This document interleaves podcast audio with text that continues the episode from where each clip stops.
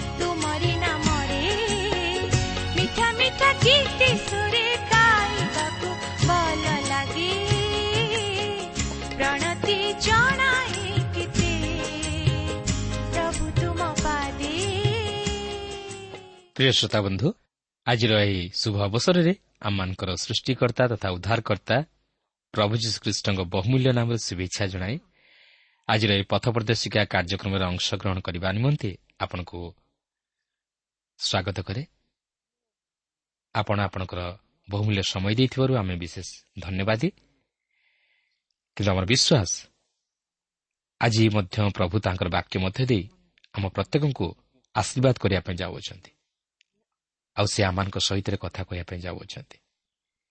ସେ ଆମମାନଙ୍କୁ ଉଦ୍ଧାର କରିବା ପାଇଁ ଯାଉଅଛନ୍ତି। କିନ୍ତୁ ସେ ଚାହାନ୍ତି ଆମମାନଙ୍କର ସରଳ ବିଶ୍ୱାସ। ଆସନ୍ତୁ ସେହି ସରଳ ବିଶ୍ୱାସ ନେଇ ଆମମାନେ ପ୍ରଭୁଙ୍କର ନିକଟବର୍ତ୍ତୀ ହେବା। ଆସନ୍ତୁ ପ୍ରାର୍ଥନା କରିବା। ପ୍ରିୟ ପବିତ୍ର ପ୍ରଭୁ ତୁମର ପବିତ୍ର ନାମର ଧନ୍ୟବାଦ କରୁଅଛୁ ତୁମର ଜୀବନ୍ତ ବାକ୍ୟ ପାଇଁ। ପ୍ରଭୁ ତୁମର ବାକ୍ୟର ନିଗୁଢ଼ ମର୍ମକୁ ବୁଝିବା ନିମନ୍ତେ ତୁମେ ଆମମାନଙ୍କୁ ତୁମର ସେହି ପବିତ୍ର ଆତ୍ମାଙ୍କର ସହାୟତା ଏବଂ ସେହି ସ୍ୱର୍ଗୀୟ ଜ୍ଞାନ ତୁମେ ଦାନ କର। ଆଉ ସେହି ବାକ୍ୟ ଅନୁଯାୟୀ ଜୀବନଯାପନ କରିବା ପାଇଁ ତୁମେ ଆମମାନଙ୍କୁ ଶକ୍ତି ଦିଅ। ତୁମର ବାକ୍ୟ ମଧ୍ୟ ଦେଇ ପ୍ରଭୁ ତୁମେ ଆମମାନଙ୍କ ସହିତ କଥା କୁହ। ତୁମର ପବିତ୍ର ଉପସ୍ଥିତି ଆମମାନଙ୍କୁ ଉପଲବ୍ଧି କରିବା ପାଇଁ ଦିଅ। ପ୍ରତ୍ୟେକ ଶ୍ରୋତାବନ୍ଧୁମାନଙ୍କୁ ତୁମେ ଆଶୀର୍ବାଦ କର। ଯୀଶୁଙ୍କ ନାମରେ ମାଗୁଅଛୁ।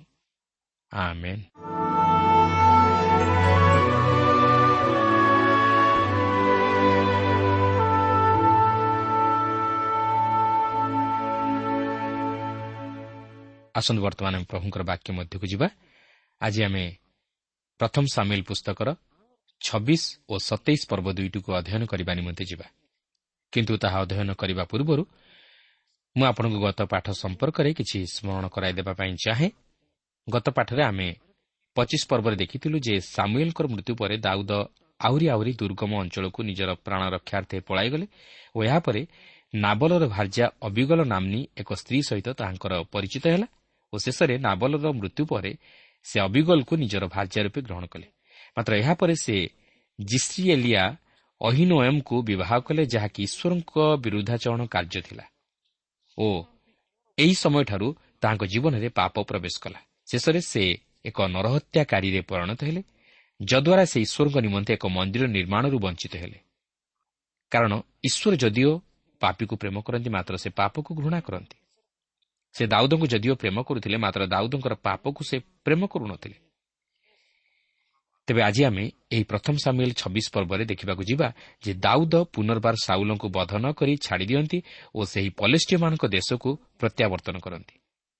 ତେବେ ଦାଉଦ ସେହି ସିଫ୍ ପ୍ରାନ୍ତରରେ ସାଉଲଙ୍କୁ ପାଇ ତାହାଙ୍କୁ ବଧ ନ କରି ଛାଡ଼ିଦେବା ସ୍ଥଳେ ସାଉଲ ତାହାଙ୍କୁ ବଧ କରିବା ନିମନ୍ତେ ଚେଷ୍ଟା କରୁଥିଲେ ଓ ତାହାଙ୍କର ପିଛା କରୁଥିଲେ। ଏଠାରେ ଦାଉଦ ଓ ସାଉଲଙ୍କ ମଧ୍ୟରେ ଏକ ଭିନ୍ନତା ଆପଣ ଲକ୍ଷ୍ୟ କରିପାରୁଥିବେ। ସାଉଲ ଜାଣିଥିଲେ ଯେ ଦାଉଦ ପ୍ରକୃତିରେ ଈଶ୍ୱରଙ୍କ ଲୋକ ଓ ଈଶ୍ୱରଙ୍କ ମନର ମତ। କିନ୍ତୁ ତାହା ଜାଣି ମଧ୍ୟ ସେ ତାହାଙ୍କୁ ବଧ କରିବା ନିମନ୍ତେ ତାହାଙ୍କର ଅନ୍ୱେଷଣ କରୁଥିଲେ। ମାତ୍ର ଅପରପକ୍ଷରେ ଦାଉଦ ଜାଣିଥିଲେ ଯେ ସାଉଲ ଈଶ୍ୱରଙ୍କର ଅଭିଷିକ୍ତ ବ୍ୟକ୍ତି। ତେଣୁକରି ସେ ତାହାଙ୍କ ବିରୁଦ୍ଧରେ ହସ୍ତ ଉଠାଇବାକୁ ଚାହିଁନଥିଲେ। ସେ ତାହାଙ୍କୁ ଛାଡ଼ି ଦେଇଥିଲେ ଦେଖନ୍ତୁ ଛବିଶ ପର୍ବର ପ୍ରଥମ ଦୁଇ ପଦରେ ଏହିପରି ଲେଖା ଅଛି ଅନନ୍ତର ସିଫିଓମାନେ ଗିବିଆକୁ ସାଉଲଙ୍କ ଗତିକେ ଆସି କହିଲେ ଦାଉଦ କ'ଣ ମରୁଭୂମି ସମ୍ମୁଖସ୍ଥ ହକିଲା ପର୍ବତରେ ଆପଣାକୁ ଲୁଚାଇ ନାହିଁ? ଏଥିରେ ସାଉଲ ଉଠି ସିଫ୍ ପ୍ରାନ୍ତରରେ ଦାଉଦଙ୍କୁ ଖୋଜିବା ପାଇଁ ଇସ୍ରାଏଲ୍ର ତିନି ସହସ୍ର ବଛା ଲୋକ ସଙ୍ଗେ ନେଇ ସିଫ୍ ପ୍ରାନ୍ତରକୁ ଗଲେ। ଦେଖନ୍ତୁ ଯେଉଁ ସାଉଲ ସେଦିନ ଦାଉଦଙ୍କ ହସ୍ତରୁ ରକ୍ଷା ପାଇ ଓ ଦାଉଦଙ୍କ ମୁଖର କଥା ଶୁଣି ଅନୁତାପ କରି କ୍ରନ୍ଦନ କରିଥିଲେ ସେଠାରେ ପୁନର୍ବାର ଦାଉଦଙ୍କ ପିଛା କରୁଛନ୍ତି ଯେପରି ସେ ତାହାଙ୍କୁ ବଧ କରିପାରନ୍ତି। ସାଉଲଙ୍କର ପ୍ରକୃତ ପ୍ରତିହିଂସାର ମନୋଭାବ ଏଥିରୁ ଜଣାପଡ଼େ। କିନ୍ତୁ କଥା ହେଉଛି ଦାଉଦଙ୍କର ମଧ୍ୟ ଅନେକ ସୈନ୍ୟ ଥିଲେ ଓ ସେମାନେ ଦାଉଦଙ୍କ ପ୍ରତି ଅତି ବିଶ୍ୱସ୍ତ ଥିଲେ ଓ ସେମାନେ ଏପରି ଦାଉଦଙ୍କ ସହିତ ରହି ଦାଉଦଙ୍କ ନିମନ୍ତେ ମରିବା ପାଇଁ ସୁଦ୍ଧା ପ୍ରସ୍ତୁତ ଥିଲେ। ତାଛଡ଼ା ଦୁର୍ଗମ ସ୍ଥାନମାନଙ୍କରେ କିପରି ରହିବାକୁ ହୁଏ କାର୍ଯ୍ୟ କରିବାକୁ ହୁଏ ତାହେଲେ ଯଥେଷ୍ଟ ଅନୁଭୂତି ମଧ୍ୟ ତାହାଙ୍କର ଥିଲା। କିନ୍ତୁ ସାଉଲଙ୍କର ସେପରି କିଛି ଅନୁଭୂତି ନଥିଲା। ତାଛଡ଼ା ସାଉଲଙ୍କର ସୈନ୍ୟମାନେ ତାହାଙ୍କ ପ୍ରତି ସେତେ ବିଶ୍ୱସ୍ତ ନଥିଲେ ଓ ସାଉଲ ମଧ୍ୟ ସେମାନଙ୍କୁ ସଦାସର୍ବଦା ସନ୍ଦେହ ଦୃଷ୍ଟିରେ ଦେଖୁଥିଲେ। ବର୍ତ୍ତମାନ ଲକ୍ଷ୍ୟ କରିବାର ବିଷୟ ହେଉଛି ଦାଉଦ ସେହି ସିଫ୍ ପ୍ରାନ୍ତରେ ଅଛନ୍ତି ଓ ସାଉଲ ତାହାଙ୍କର ତିନି ସହସ୍ର ବଛା ଲୋକ ସଙ୍ଗରେ ନେଇ ଦାଉଦଙ୍କର ପିଛା କରୁଅଛନ୍ତି। ଛବିଶ ପର୍ବର ତିନି ଓ ଚାରି ପଦରେ ଆମେ ଦେଖୁ ଯେ ଦାଉଦ କେବେ ହେଲେ ବିଶ୍ୱାସ କରିନଥିଲେ ଯେ ସାଉଲ ଏହିପରି ଏକ ସୀମା ମଧ୍ୟକୁ ଆସିବେ ଯାହାକି ତାହାଙ୍କ ନିମନ୍ତେ ଏକ ଅଜଣା ସ୍ଥାନ। ତେବେ ଦାଉଦ ତାହାଙ୍କର ଚରମାନଙ୍କୁ ପଠାଇ ସାଉଲ ପ୍ରକୃତିରେ ଆସିଛନ୍ତି କି ନାହିଁ ତାହା ଜାଣିବାକୁ ଚାହିଁଛନ୍ତି ଓ ଚରମାନେ ମଧ୍ୟ ଆସି ସମ୍ବାଦ ଦେଲେ ଯେ ସାଉଲ ପ୍ରକୃତିରେ ସେହି ପ୍ରାନ୍ତର ମଧ୍ୟକୁ ଆସିଅଛନ୍ତି। ଏହାପରେ ଛବିଶ ପର୍ବର ପାଞ୍ଚ ପଦରେ ଆମେ ଦେଖୁ ଯେ ଦାଉଦ ଏପରି ଏକ ସ୍ଥାନରେ ଥିଲେ ଯେଉଁ ସ୍ଥାନରୁ କି ସେ ସାଉଲ ଓ ତାହାଙ୍କର ସୈନ୍ୟମାନଙ୍କର ଲୁଚି ରହିବା ସ୍ଥାନକୁ ଠାବ କରିପାରିଥିଲେ। ସେ ସାଉଲଙ୍କୁ ଓ ତାହାଙ୍କର ସେନାପତି ଅବନରର ସ୍ଥାନକୁ ମଧ୍ୟ ଠାବ କରିପାରିଥିଲେ। ତେବେ ଦେଖନ୍ତୁ ଆଗକୁ କ'ଣ ଘଟିବା ପାଇଁ ଯାଉଅଛି।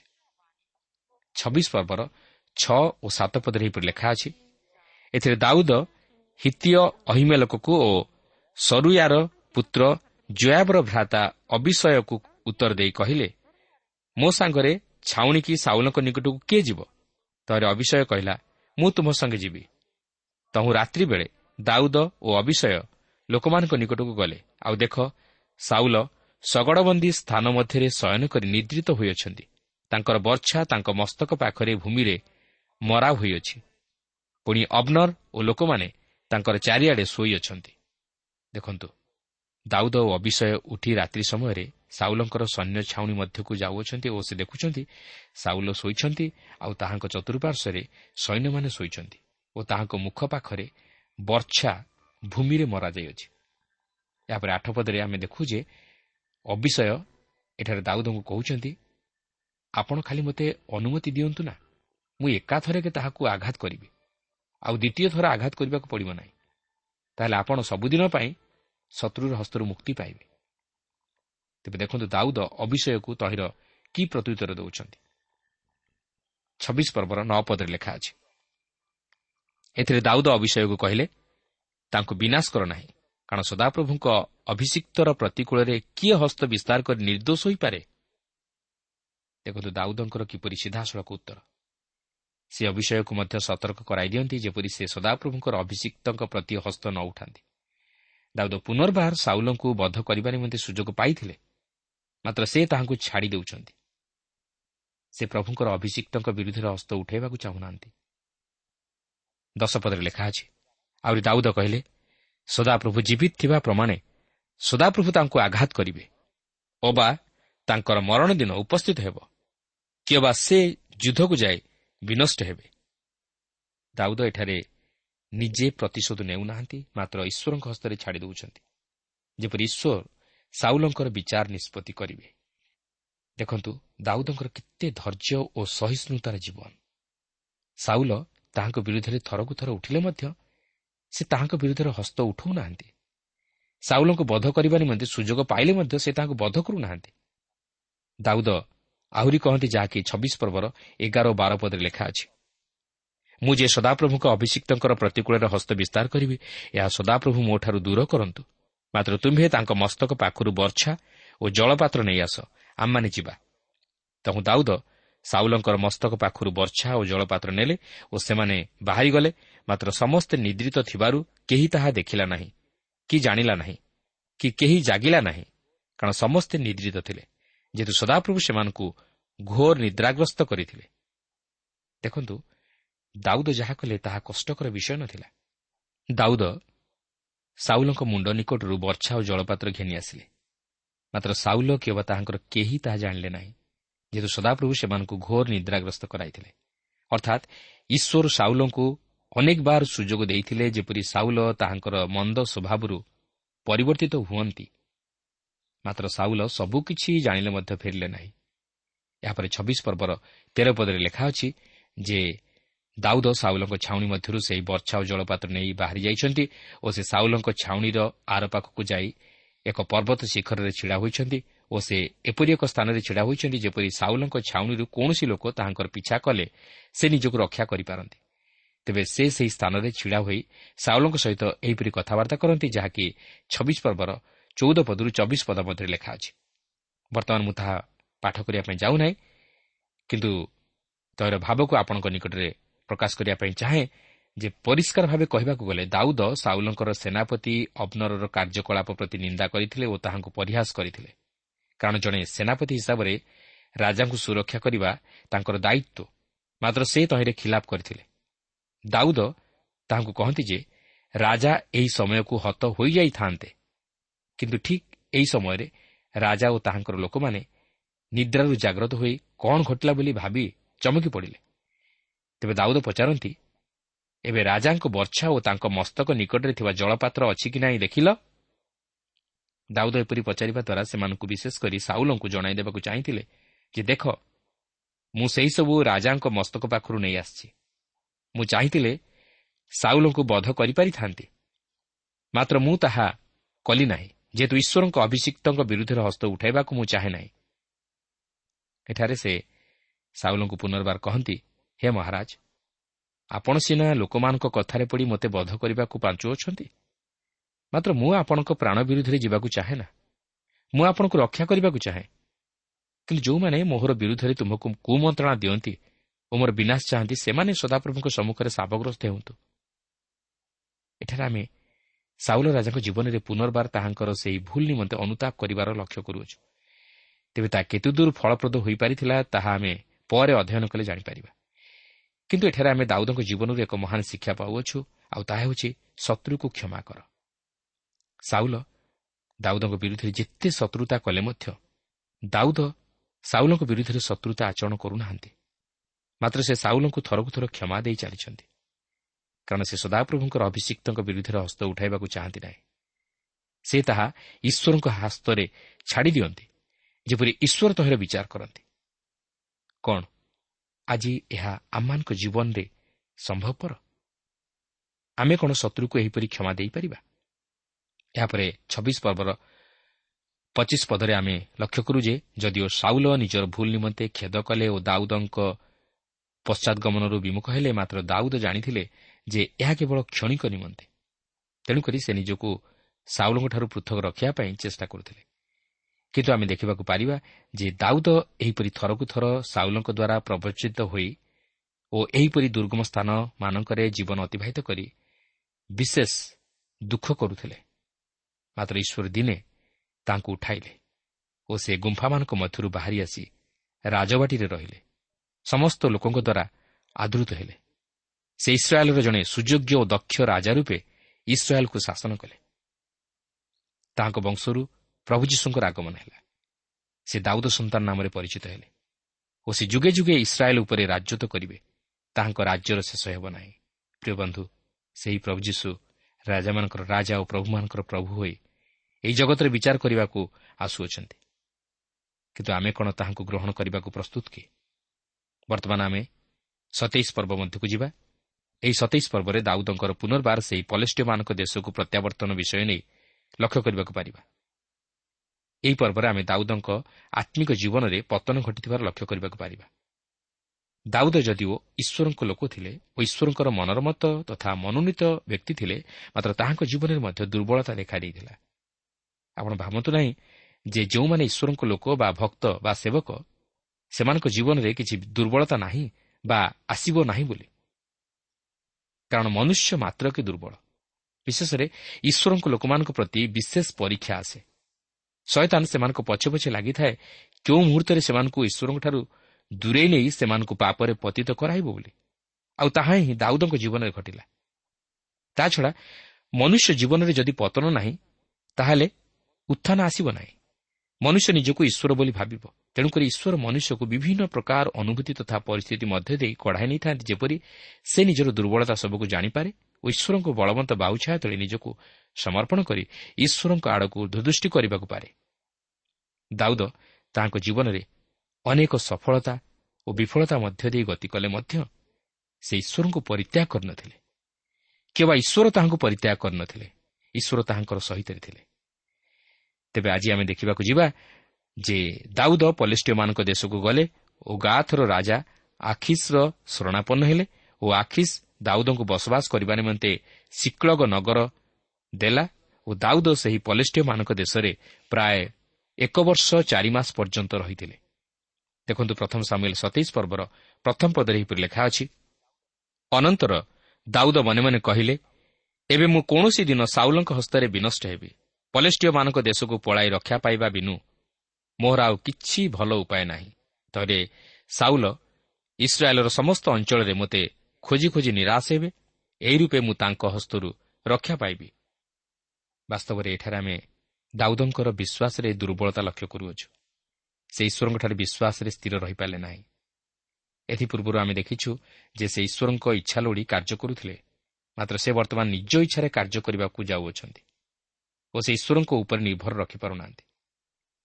ଯେଉଁ ଈଶ୍ୱର ତାହାଙ୍କୁ ଅନେକ ବିପଦରୁ ଉଦ୍ଧାର କରିଥିଲେ ଓ ତାହାଙ୍କୁ ତାହାଙ୍କର ଶତ୍ରୁମାନଙ୍କ ଉପରେ ଜୟ ପ୍ରଦାନ କରିଥିଲେ ତାହାଙ୍କଠାରେ ସେ ବର୍ତ୍ତମାନ ବିଶ୍ୱାସରେ ସ୍ଥିର ରହିପାରୁନାହାନ୍ତି।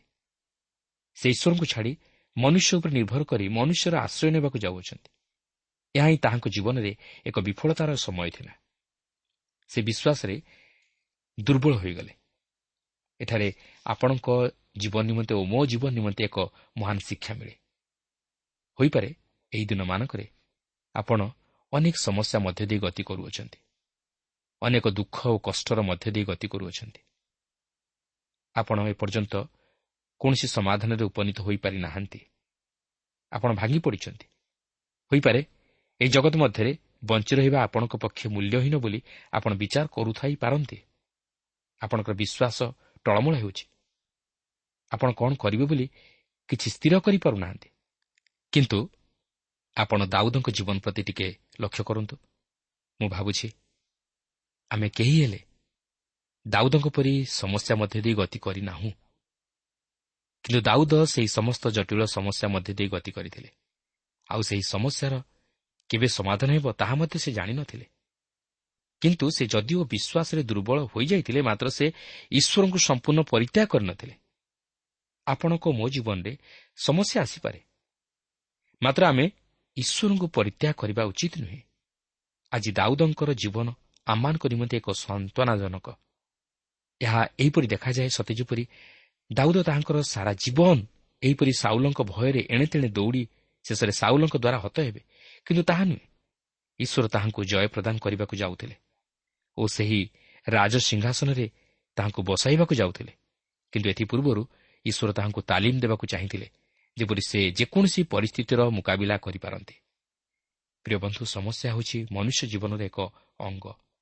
ଯେଉଁ ମନୁଷ୍ୟ ସମସ୍ୟା ମଧ୍ୟ ଦେଇ ଗତି ନ କରିଛି ସେହି ମନୁଷ୍ୟ ତାହାର ଜୀବନରେ ସଫଳତାର ସ୍ୱାଦ ଚାଖିପାରିବ ନାହିଁ। ସେ ଈଶ୍ୱରଙ୍କର ବାସ୍ତବ ସହାୟତାକୁ ଅନୁଭବ କରିପାରିବ ନାହିଁ। ଜୀବନରେ କିଛି ଶିକ୍ଷା କରିପାରିବ ନାହିଁ। ଏକ ଈଶ୍ୱର ବିହୀନ ଜୀବନରେ ସମସ୍ୟା ବିଫଳତା ଆଣିଦେଇଥାଏ ମାତ୍ର ଜଣେ ଈଶ୍ୱରଙ୍କ ଲୋକ ପ୍ରତି ଏହା ସଫଳତା ଆଣିଦେଇଥାଏ ଦାଉଦ ତହିଁର ଏକ ଜୀବନ୍ତ ସାକ୍ଷ୍ୟ।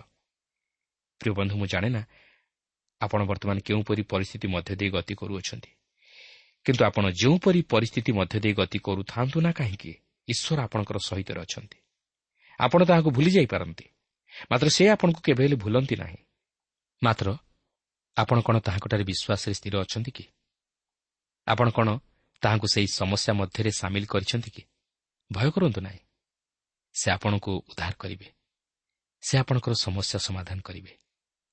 ଏହାପରେ ସତେଇଶ ପର୍ବର ଦୁଇ ପଦରୁ ଛଅ ପଦ ମଧ୍ୟରେ ଆମେ ଦେଖୁଛୁ ଦାଉଦ ହତୋତ୍ସାହ ହୋଇପଡ଼ିଛନ୍ତି ଆଉ ସେ ଭାଙ୍ଗି ପଡ଼ିଛନ୍ତି। ସେ ଜଣେ ମନୁଷ୍ୟର ଆଶ୍ରୟ ନେଉଛନ୍ତି। ଆଉ ସେ ଯାହା କରିବା କଥା ନୁହଁ ତାହା କରୁଛନ୍ତି। ସେ ଇସ୍ରାଏଲ୍ ଦେଶ ପରିତ୍ୟାଗ କରି ପଲିଷ୍ଟିୟମାନଙ୍କ ଦେଶରେ ଯାଇ ବସବାସ କରୁଅଛନ୍ତି। ଏହି ପର୍ବରେ ଆମେ ଦେଖିବାକୁ ପାରୁଛୁ ଯେ ଦାଉଦଙ୍କର ଏପରି କୌଣସି କାର୍ଯ୍ୟ ନାହିଁ ଯାହାକି ସେ ଯେ ଈଶ୍ୱରଙ୍କ ଲୋକ ତହିଁର ପରିଚୟ ଦିଏ। କିନ୍ତୁ ଏହି ସମୟରେ ଆମେ ଦେଖୁଛୁ ଯେ ସାଉଲ ରାଜା ଦାଉଦଙ୍କର ଆଉ ପିଛା କରୁନାହାନ୍ତି। ମାତ୍ର ଦାଉଦ ସାଉଲଙ୍କୁ ଭୟ କରି ପଲେଷ୍ଟିୟମାନଙ୍କ ରାଜା ଆଖିସ୍ ନିକଟରେ ଶରଣ ନେଉଛନ୍ତି। ତାହାଙ୍କ ସହିତ ତାହାଙ୍କର ଛଅଶହ ଲୋକ ଅଛନ୍ତି ଓ ବିଶେଷ କରି ତାହାଙ୍କର ଦୁଇ ଭାର୍ଯ୍ୟା ଅହିନୟମ ଓ ଅବିଗଲ ତାହାଙ୍କ ସହିତ ଅଛନ୍ତି। ଏହାପରେ ସତୀଶ ପର୍ବର ସାତ ପଦରୁ ବାର ପଦ ମଧ୍ୟରେ ଆମେ ଦାଉଦଙ୍କର ସଠତା ବା ପ୍ରତାରଣାର କାର୍ଯ୍ୟ ଦେଖୁଅଛୁ। ଦାଉଦ ପଲେଷ୍ଟିୟମାନଙ୍କ ରାଜା ଆଖିସ୍କୁ ପ୍ରତାରଣା କରୁଅଛନ୍ତି। ସେ ତାଙ୍କ ନିକଟରେ ମିଛ କହୁଅଛନ୍ତି। ସେ ପଲେଷ୍ଟିୟମାନଙ୍କର ବିରୁଦ୍ଧରେ ଯାଇ ସେମାନଙ୍କ ସପକ୍ଷରେ ଥିବା ଭଳି ବ୍ୟବହାର କରୁଅଛନ୍ତି। ଆଖିସ୍ ଭାବୁଥିଲେ ଦାଉଦ ଇସ୍ରାଏଲ୍ ବିରୁଦ୍ଧରେ ଯାଇ ଯୁଦ୍ଧ କରୁଅଛନ୍ତି ବୋଲି ମାତ୍ର ଦାଉଦ ଇସ୍ରାଏଲୀୟମାନଙ୍କ ବିରୁଦ୍ଧରେ ଯାଇ ଯୁଦ୍ଧ କରୁନଥିଲେ। କିନ୍ତୁ ସେ ଗସୁରୀୟ ଗିସରୀୟ ଓ ଅମାଲିକୀୟ ଲୋକମାନଙ୍କ ବିରୁଦ୍ଧରେ ଯାଇ ସେମାନଙ୍କ ସହିତ ଯୁଦ୍ଧ କରି ସେମାନଙ୍କୁ ସମୂଳେ ବିନାଶ କରୁଥିଲେ ଓ ସେମାନଙ୍କ ଦେଶଗୁଡ଼ିକୁ ଅଧିକାର କରିନେଉଥିଲେ ଦାଉଦ ସେମାନଙ୍କୁ ଅତି ଅମାନୁଷିକ ଭାବେ ହତ୍ୟା କରି ସେମାନଙ୍କର ଦେଶଗୁଡ଼ିକୁ ଅଧିକାର କଲେ ଯାହାକି ଦାଉଦ ସେପରି କରିବାର ନଥିଲା। କିନ୍ତୁ ଆଖିସ୍ ଭାବୁଥିଲେ ଦାଉଦ ସର୍ବଦା ତାହାଙ୍କର ଦାସ ହୋଇ ରହିବ ଯେହେତୁ ସେ ଇସ୍ରାଏଲ୍ ନିକଟରେ ଆପଣାକୁ ନିତାନ୍ତ ଦୁର୍ଗନ୍ଧ ସ୍ୱରୂପ କରିଅଛି। କିନ୍ତୁ ଏହା ଥିଲା ଦାଉଦଙ୍କର ଚାଲ। ସେ ଚତୁରତାର ସହିତ କାର୍ଯ୍ୟ କରିଥିଲେ ଯେପରି ସେ ଆଖିସ୍ ନିକଟରେ ପ୍ରିୟ ପାତ୍ର ହୋଇ ରହିପାରନ୍ତି। ପ୍ରିୟ ବନ୍ଧୁ ଦାଉଦ ଏଠାରେ ଜଣେ ନରଘାତକରେ ପରିଣତ ହୋଇଗଲେ। ତାଙ୍କର ହସ୍ତ ରକ୍ତରେ ପରିପୂର୍ଣ୍ଣ ହେଲା। ପାପ ତାହାଙ୍କର ଜୀବନରେ ପ୍ରବେଶ କଲା। ଧୀରେ ଧୀରେ ସେ ପାପ କରିବାକୁ ଲାଗିଲେ। ଆପଣ ଦେଖନ୍ତୁ ଆପଣ ଏକାଥରକେ ଏକ ମଦ୍ୟପରେ ପରିଣତ ହୋଇଯିବେ ନାହିଁ। କି ଏକାଥରକେ ଜଣେ ଖୁଣିରେ ପରିଣତ ହୋଇଯିବେ ନାହିଁ। କି ଏକାଥରକେ ମନ୍ଦ ଅଭ୍ୟାସର ବଶବର୍ତ୍ତୀ ହୋଇଯିବେ ନାହିଁ। କି ଏକାଥରକେ ଜଣେ ବେଭିଚାରୀରେ ପରିଣତ ହୋଇଯିବେ ନାହିଁ। ମାତ୍ର ଧୀରେ ଧୀରେ ଏହା ଆପଣଙ୍କ ଜୀବନକୁ ଗ୍ରାସ କରିବ। ଦାଉଦ ଗୋଟିଏ ପରେ ଗୋଟିଏ ପାପ କରି ବସିଲେ। ଆଉ କ୍ରମେ କ୍ରମେ ସେ ଈଶ୍ୱରଙ୍କ ଇଚ୍ଛା ବିରୁଦ୍ଧରେ ଯାଇ କାର୍ଯ୍ୟ କଲେ। ଦେଖନ୍ତୁ କିଏ କହିଥିଲା ତାହାଙ୍କୁ ସେହି ପଲିଷ୍ଟିମାନଙ୍କ ଦେଶକୁ ଯିବା ପାଇଁ?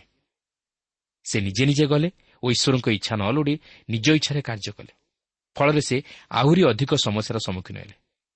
ପ୍ରିୟ ବନ୍ଧୁ ଆମେ ଯଦି ସମସ୍ୟାକୁ ଭୟ କରି ଈଶ୍ୱରଙ୍କଠାରୁ ଦୂରବର୍ତ୍ତୀ ଜୀବନ କାଟିବା ତାହେଲେ ଆମେ ଆମ ଜୀବନ ନିମନ୍ତେ ଅଧିକ ସମସ୍ୟାକୁ ଡାକି ଆଣିବା ସମସ୍ୟାର ସମାଧାନ ମନୁଷ୍ୟର ହାତରେ ନାହିଁ ମାତ୍ର ଈଶ୍ୱରଙ୍କ ହାତରେ କିନ୍ତୁ ଆମେ ଯଦି ନିଜ ଜ୍ଞାନରେ ପରିଚାଳିତ ହୋଇ ସମସ୍ୟାର ସମାଧାନ କରିବାକୁ ବସିବା ତାହେଲେ ଆମେ ଅଧିକ ସମସ୍ୟାକୁ ଡାକି ଆଣିବା କାରଣ ମନୁଷ୍ୟର ଗତି ନିୟନ୍ତ୍ରଣକାରୀ ହେଉଛନ୍ତି ଈଶ୍ୱର ତାହାଙ୍କ ଇଚ୍ଛା ବିହୀନ କୌଣସି କାର୍ଯ୍ୟ ସାଧିତ ହୋଇନପାରେ ଦାଉଦ ସମସ୍ୟାର ସମାଧାନ କରିବାକୁ ଚାହିଁଲେ ମାତ୍ର ତାହା ସମ୍ଭବ ହେଲା ନାହିଁ ବରଞ୍ଚ ଆହୁରି ଶତ୍ରୁତା ବଢ଼ିଲା ସାଉଲ ଜଣେ ମାତ୍ର ଶତ୍ରୁ ଥିଲେ ଦାଉଦଙ୍କର କିନ୍ତୁ ବର୍ତ୍ତମାନ ଦାଉଦଙ୍କର ଅନେକ ଶତ୍ରୁ ଯଦିଓ ସେମାନେ ବର୍ତ୍ତମାନ ଶତ୍ରୁ ହୋଇନାହାନ୍ତି ମାତ୍ର ପରେ ଦାଉଦଙ୍କର ଶତ୍ରୁ ହୋଇ ଉଠିବେ।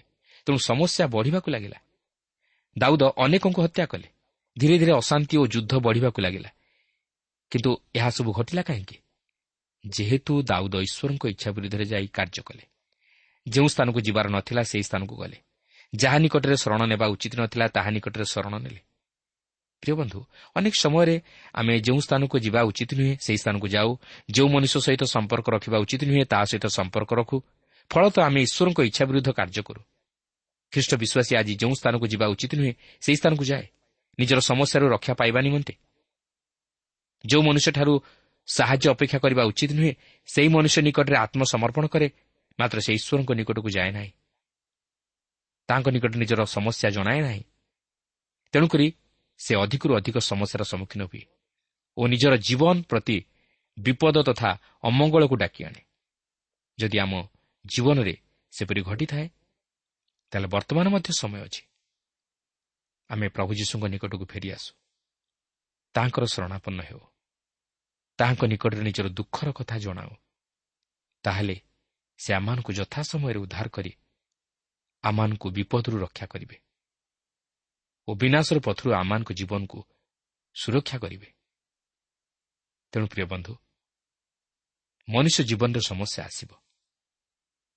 ମାତ୍ର ଏହାର ଅର୍ଥ ନୁହେଁ ଯେ ସେହି ସମସ୍ୟା ତାହାକୁ ବିନାଶ ଆଡ଼କୁ କଢ଼ାଇ ନେବ। କିନ୍ତୁ ସେ ଯଦି ସେହି ସମସ୍ୟା ସମୟରେ ଈଶ୍ୱରଙ୍କୁ ସ୍ମରଣ କରେ ଈଶ୍ୱରଙ୍କର ଇଚ୍ଛା ଲୋଡ଼ି କାର୍ଯ୍ୟ କରେ ଈଶ୍ୱରଙ୍କ ଉପରେ ନିର୍ଭର କରେ। ସେ ନିଶ୍ଚିତ ଭାବରେ ତାହାକୁ ଉଦ୍ଧାର କରିବେ। ପ୍ରଭୁ ତାହା ହିଁ ଆମମାନଙ୍କ ପ୍ରତ୍ୟେକ ଜୀବନରୁ ଆଶା କରନ୍ତି।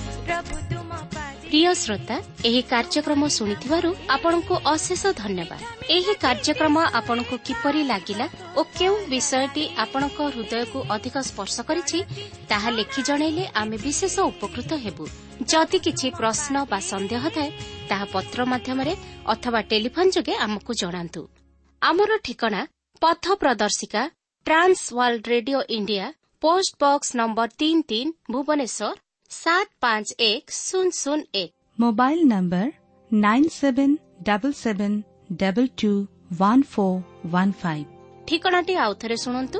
ପଥ ପ୍ରଦର୍ଶିକା trans world radio India post box number three three Bhubaneswar seven five one zero zero one. Mobile number nine seven double seven double two one four one five. ଆମର ଇମେଲ ଆଡ୍ରେସଟି ଲେଖି ରଖନ୍ତୁ। Odia TTV at radio eight eight two dot com ତେବେ ଆଜି ପାଇଁ ଏଠାରେ ରଖୁଛୁ। ନମସ୍କାର।